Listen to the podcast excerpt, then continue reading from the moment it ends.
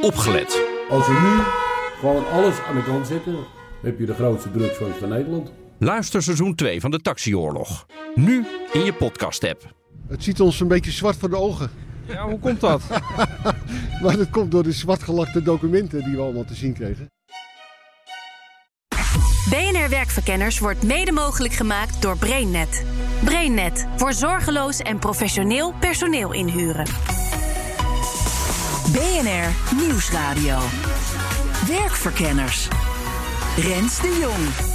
Payrollbedrijven. Ooit waren ze dé grote belofte voor werkgevers die behoefte hadden aan een flexibele schil.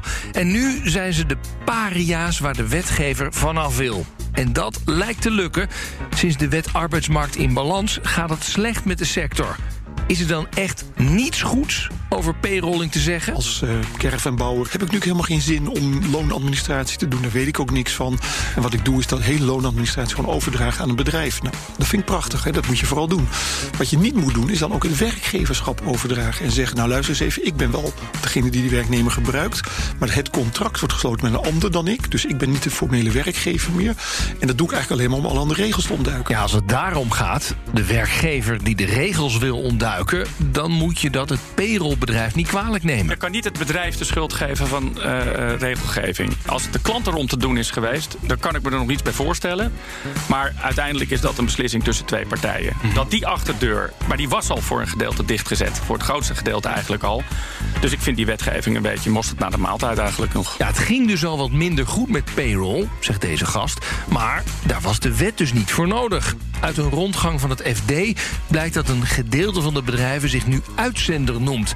Om minder last te hebben van die wet arbeidsmarkt in balans. Aan de ene kant zou je kunnen zeggen: Goh, uh, we zijn op zoek naar die mazen in de wet. Ja, als die er zijn, dan daar kun je wat van vinden. Maar die zijn er dan kennelijk. Zegt de jurist hier, ja.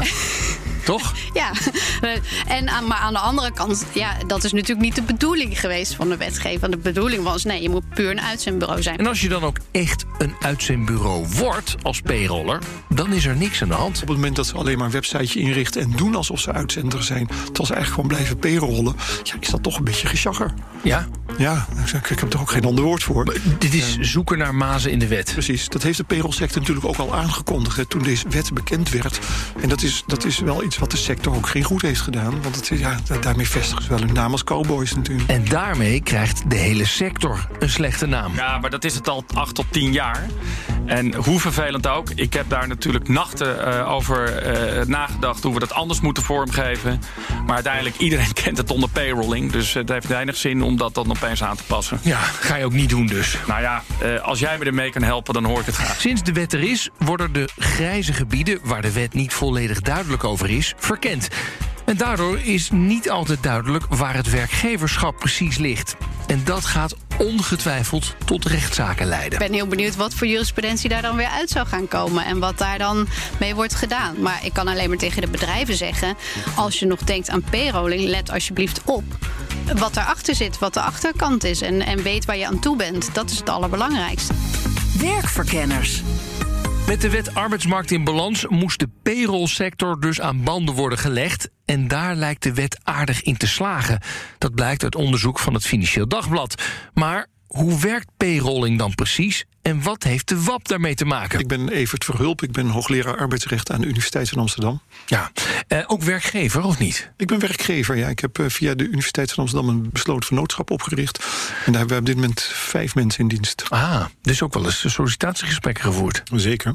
En uh, ook wel eens mensen via payroll in dienst gehad? Nee, nog nooit. Nee. nee, dat zal ik ook niet snel doen. Oh nee, waarom niet? Ja, kijk, payrollen is een systeem waarbij je eigenlijk aan je eigen verantwoordelijkheden probeert te ontsnappen. En daar hou ik niet van. Nee. Um, deze uitzending gaat inderdaad over payrollen en wat de uh, effecten zijn van de wet arbeidsmarkt in balans. Ik denk dat het de beste vraag is voor de hoogleraar. Leg eens in een paar zinnen uit wat payrollen is. Payrollen is het verschijnsel waarbij je een uh, selectieprocedure start. Een kandidaat selecteert waarvan je, graag, uh, waarvan je graag ziet dat hij voor jou komt werken. Maar jij, jij sluit geen arbeidsovereenkomst met deze kandidaat. Maar je stuurt deze kandidaat dan naar een andere werkgever, het payrollbedrijf. Die neemt deze werknemer in dienst en die stuurt hem dan naar jou toe. Ja, en voor wie is dat handig? Dat was met name handig voor degene die die werknemer anders in dienst zou nemen. Dus de werkgever die hem geselecteerd heeft. Want die hoefde dan bepaalde dingen niet te betalen? Kijk, op het moment dat. eh, ik, ik, ik gebruik maar flauwe voorbeelden, dat is vaak het meest beeldend. Ik heb een metaalbedrijf. In dat metaalbedrijf dan moet ik natuurlijk de CO voor de metaal toepassen. Er is een pensioenfonds voor de metaalsector. Eh, nou, dat kost allemaal geld. En op het moment dat ik iemand via een andere constructie bij mij laat werken, maar niet in mijn dienst, dan valt hij niet onder die metaalsector. En hoef ik dus ook die regelingen die voor die sector gelden niet toe te passen. Ja, ja. En als je dus werknemer bent, dan ben je slechter af. Want waarschijnlijk zijn de omstandigheden bij het payrollbedrijf slechter dan eh, onder de CAO van de metaalsector. Ja, dat is eigenlijk standaard zo. Zij het dat je dat soms als werknemer niet merkt, omdat het gaat over premies die moeten worden afgedragen. En ehm, eh, in de metaal, ik, ken de premies daar niet precies, maar is een scholingsfonds. Dat scholingsfonds is echt wel een paar procent van de loonsom. Nou, als je dat niet ehm, eh, betaalt, als, niet hoeft te betalen als werkgever, hoewel je wel in de metaalsector werkzaam bent, dan scheelt dat natuurlijk behoorlijk. Terwijl die werknemers, zolang die niet wil scholen, dat ook niet merkt. Nee. Ehm, nu is die wet arbeidsmarkt in balans gekomen vanaf 1 januari. Ja. Wat verandert dat voor de payroll? Heel kort samengevat was de bedoeling van die wet om te regelen dat als een werknemer via payroll in een bepaalde sector werkt, dat hij dan toch moet worden behandeld als werknemer in die sector. En dus de, de, de U-bochtconstructies eruit gehaald. Op het moment dat je via een payroll-werkgever werkt in de metaalsector, moet dus die payroll-werkgever gewoon alle regels voor de metaal toepassen. Ja, dus wel de CAO volgen, de pensioenpremie Precies. afdagen... aan de, aan de, aan de, aan de ONO-fondsen, de Precies, al die premies moeten worden afgedragen. Moet allemaal afgedragen. Salarisschalen moeten worden toegepast. Ja. Eh, voor pensioen is nog een uitzondering. Hè. Dit jaar hoeft dat nog niet, maar dat komt eraan. Eh, dat had te maken met het gegeven dat het heel erg moeilijk is voor die payrollbedrijven om premies af te dragen bij fondsen waar ze niet zijn bij aangesloten. Maar ja, dat klopt. Ja. Dus de, de kosten nemen toe. Oké, is dat een goede ontwikkeling? Ja, dat is een hele goede ontwikkeling. Ja. Want eh, je kunt niet meer die mazen in de wet gebruiken. Het kan wel, maar het, het levert geen financieel voordeel meer op. Nee, is het dan ook een goede ontwikkeling? Want het FD heeft een rondje gemaakt langs alle payrollbedrijven. Ik zie je al glimlachen. Ja, ik vond het een mooi artikel. Ja? ja. Want de, de conclusie was, nou, die, die, die vallen bij bosjes om... of die hebben echt een enorme omzetdaling. Ja, en dat is ook terecht. Ja? Ja hoor, nee, laat ik er heel, heel duidelijk over zijn. Payrollen is echt een systeem waarbij je de regels ontduikt die voor een bepaalde sector gelden. Eh, dat was tot 1 januari 2020 zo, toen is de wet ingevoerd. En die wet werkt in die zin dat nu blijkt dat die payrollsector grote klappen krijgt. Nou, voor zover die klappen vallen in de hoek waar de payroll wordt gebruikt om sectorale regels te ontduiken, is dat denk ik gewoon terecht. ja. Is het ook dan terecht, zou die hele payrollsector moeten verdwijnen? Ik ben daar niet tegen. Maar zijn er nu ook echt alleen maar cowboys... of zijn er ook nette payrollbedrijven? Ik ben Suzanne Meijers, arbeidsrechtadvocaat en ook auteur van het boek Geen gedoe met personeel, arbeidsrecht voor ondernemers, komt 25 november uit. Heb je wel eens mensen in dienst gehad via payroll? Eh, zelf heb ik geen mensen in dienst gehad via payroll, maar wel eh, cliënten die mensen eh, via payroll verlonen of in dienst hebben. Ja. Ja. En is dat ook een principiële keuze geweest? Of gebeurt het in de advocatuur gewoon niet payrollen? Ik ken geen advocaten die mensen via payroll hebben lopen, zeg maar. Dus eh, ik weet niet of dat met de advocatuur te maken heeft. Het is misschien niet het soort business. Je zou het eerder verwachten bij horeca of zo. Ja.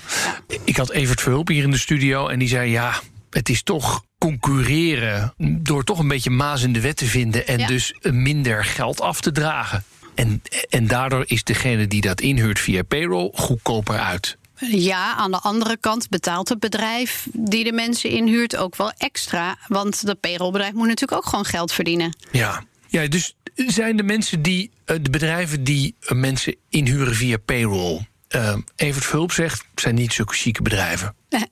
Ja, wat vind Ehm, jij? Nou, eh, ik zie het met name bij bedrijven die ook flexibel op een bepaalde manier met mensen willen werken. Dus horeca, hospitality en dat soort. ja, die willen gewoon ontzorgd worden. En of die bedrijven die daar gebruik van maken, nou, dat, dat vind ik iets te ver gaan. Je kunt je wel afvragen of het payrollbedrijf zelf. Nou ja, op een goede is. manier werkt. Ja, Ja. Want waarom, zou, want je impliceert dat het niet zo is. Waarom zou dat dan niet zo zijn? Dat het bedrijf niet. De, eh, de, de payrollbedrijven zelf? Er zitten er veel cowboys tussen? er zitten wel cowboys tussen, ja zeker. Ja. Ja. Waarom? Ehm, nou, het punt is dat voor het bedrijf zelf, die wil dus juist iets uitbesteden, die wil geen lasten hebben. En het is heel vaak onduidelijk van, nou, wie is nu precies de werkgever? Wie, hè, waar betaal je nou eigenlijk voor? En dan kun je zeggen, ja, het bedrijf dat via payrollbedrijf mensen inhuurt, moet goed de voorwaarden en de kleine letters lezen. Maar ja, dat gebeurt natuurlijk heel vaak niet. En ehm, ja, die worden soms achteraf geconfronteerd met ofwel opeens personeel, wat ze eigenlijk juist niet in dienst wilden hebben, of hele hoge kosten. Ja, want jij zegt, ik sta veel bedrijven bij die mensen eh, via payroll in dienst hadden. Ja, een aantal, ja. Nu is die wet arbeidsmarkt in balans er, sinds Ja. 1 januari. Daarin wordt eigenlijk heel helder gesteld... als jij mensen via payrolling binnen hebt... dan moet je ze op exact dezelfde manier behandelen... als, eh, Mhm. als, als me- vaste mensen in dienst. Ja. Dus is eigenlijk... Nou ja, dat hele verlegde werkgeverschap zit geen meerwaarde meer in, toch? Nee, in feite zit er geen meerwaarde meer in. Nee, nee, nee. Eh, Eigenlijk wat de wet probeert te doen... is payrollbedrijven de nek omdraaien. Toch? Mhm. Ja. Kunnen we zo Ja, concluderen. dat kunnen we wel zeggen, ja, Ja. dat dat het idee is. Ehm, vind jij dat vanuit jouw expertise als arbeidsrechtadvocaat een goed idee? Dat we dit uitroeien? Nou, laat ik het zo zeggen dat eh, ik denk dat de markt uiteindelijk wel weer op een andere manier dan zijn weg zal vinden in het flexibele personeel. Dus de vraag is even: is dit voldoende? Maar ik snap wel dat de wetgever heeft gedacht van er zijn cowboys en die moet, moeten op een bepaalde manier aangepakt worden. Ja. Weet jij hoe hard de klappen nu zijn voor de payrollsector? Eh, nou, de pure payrollbedrijven die hebben wel eh, een klap gekregen hoor. Dus echt. Hè, dat, dat administratieve, dat ontzorgen, dat kost nu zoveel geld. Dat kan gewoon niet altijd op die manier. Mijn volgende gast heeft zo'n payrollbedrijf. Is dat nou min of meer om zeep geholpen? Ik ben Julius Kousbroek, ondernemer, oprichter en managing director inmiddels van We Pay People. Het is een payrollingbedrijf. Eh, daarnaast heb ik nog wel wat andere activiteiten, maar voornamelijk payrolling. Ja, hoe gaat het met jullie? Het gaat eigenlijk naar omstandigheden wel oké. Het is niet zo dat als je eh, de wetgeving die veranderd is en de, eh, ehm, de coronacrisis eh, voor je kiezen krijgt, dat het allemaal gelijk ophoudt te bestaan. Dus dat geeft ons wel moed, maar we krijgen wel een tik. Ja, want qua omzet neem ik aan dat jullie een behoorlijke tik krijgen. Ik weet het nog niet precies. Het veert nu wel terug.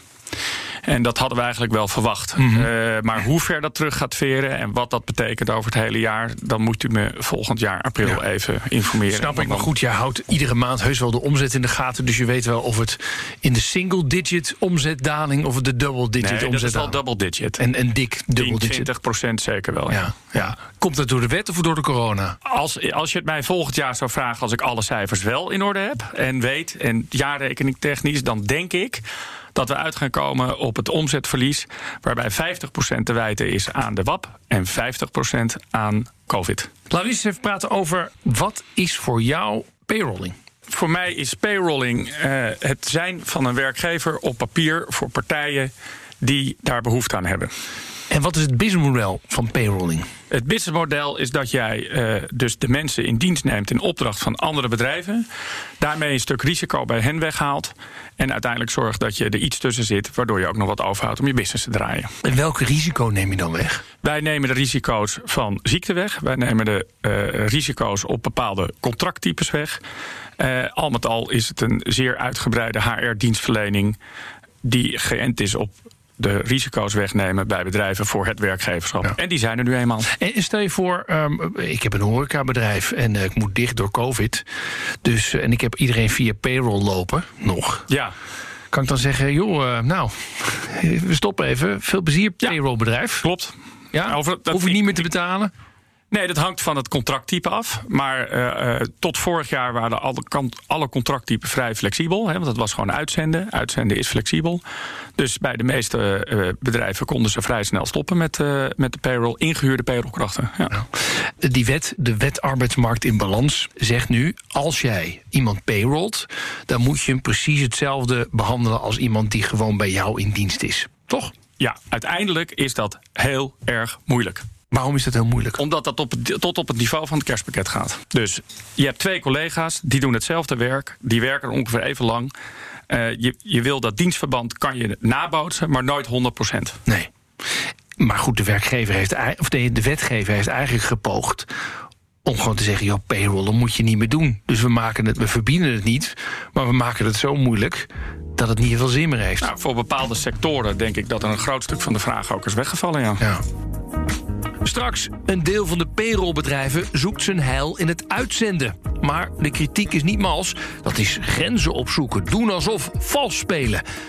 Maar is het dan wel zo duidelijk wanneer er wel en wanneer er niet sprake is van werving en selectie. Jij bent de baas van bedrijf X. Ik kom jou tegen in de kroeg. Vervolgens zeg je, nou dat is leuk, weet je wat, jij kan morgen aan het werk... maar dan moet je wel even via Randstad, want die doet al de werving en selectie van mijn personeel. Dus jij als onschuldige jongen belt de volgende dag op naar Randstad... en Randstad zegt, nou dat is mooi, helemaal, ja. je komt- En vervolgens ben je dezelfde middag aan het werk. Ja. Heeft er nou een bemiddeling plaatsgevonden of niet? Straks meer over de vraag wanneer een payrollbedrijf ook echt aan uitzenden doet. Rens de Jong. Nu eerst corona. Want de crisis door de pandemie kost in eerste instantie vooral flexibele arbeidskrachten hun baan. En daar vallen ook de payrollers onder. En nu blijkt het nog maar zeer de vraag of het payrollbedrijf op dat moment opdraait voor de afwikkeling van een ontslag. En wat daar allemaal bij komt kijken. Door corona is het denk ik wel zo dat bijvoorbeeld in de horeca, waar het natuurlijk gewoon per definitie slecht gaat, ja, daar werd veel gebruik gemaakt van payrollbedrijven. Dus ja, Ja. die hebben ook minder personeel nodig. Dus dan zullen ze ook minder snel iemand inhuren via Ja. payroll. Want even voor mij, hè, st- stel je voor, ik ben een horecabedrijf. Ik heb al mijn personeel, dus ook het vaste personeel, via payroll gedaan. Mhm. Ik moest sluiten. Kan ik dan ook heel makkelijk zeggen tegen het payrollbedrijf... nou, ik wil ze niet meer hebben. En veel plezier jullie om ze los te laten. Ja, en dat is dus inderdaad een hele goede vraag. Want ehm, de vraag is dan met name van wie is nou eigenlijk altijd de echte werkgever geweest? En hoe is dat met elkaar afgesproken? En dat is vaak waar de vaagheid ontstaat. Ja. Dus het kan zijn, zoals ehm, een, een horecabedrijf mij vertelde tijdens een presentatie, dus geen cliënt of wat dan ook, die zei van ja. Op het moment dat de WAP kwam, toen had ik al eh, een telefoontje van mijn payrollbedrijf. Joh, eh, wij stoppen ermee. Hier heb je 20 man personeel en zoek het uit. Terwijl zij dacht het allemaal afgedicht te hebben door via het payrollbedrijf te werken. Ja, ja. En nu kon je er vanaf. Want dat is natuurlijk het hele, Want iedereen zegt ja, maar het is zo'n lekkere flexibele oplossing. Maar dit, het blijkt dus helemaal geen flexibele oplossing te zijn geweest. Nee, nou ja, er is natuurlijk één kort moment geweest als je het hebt over die ketenregeling en het fasesysteem, waarop er nog niet direct een contract voor onbepaalde tijd ontstond voor de flexibele krachten. Nou, daar was er misschien nog een escape om die mensen dan, nou ja, eh, nou dat te beëindigen. Maar wat jij zegt voor de vaste mensen, ja, dan ja, dan, die zijn gewoon in dienst. Maar bij wie zijn ze dan in dienst? En wie gaat uiteindelijk ervoor zorgen dat die mensen worden ontslagen als dat nodig is? Ja.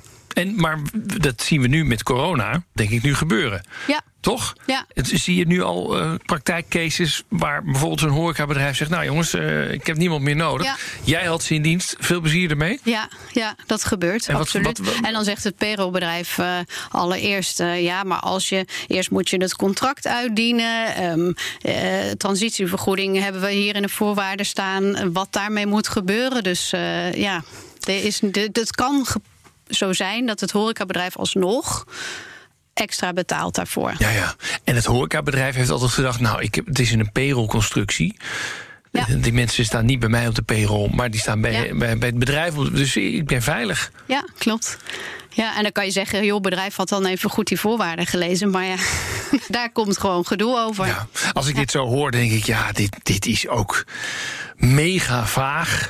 Ja. het klinkt ook echt als een soort van... nou ja, laten we overal alle goede regeltjes maar eens lezen... zodat we overal uit deze citroen alles kunnen knijpen. Mhm. Dat aan alle kanten niet de bedoeling is.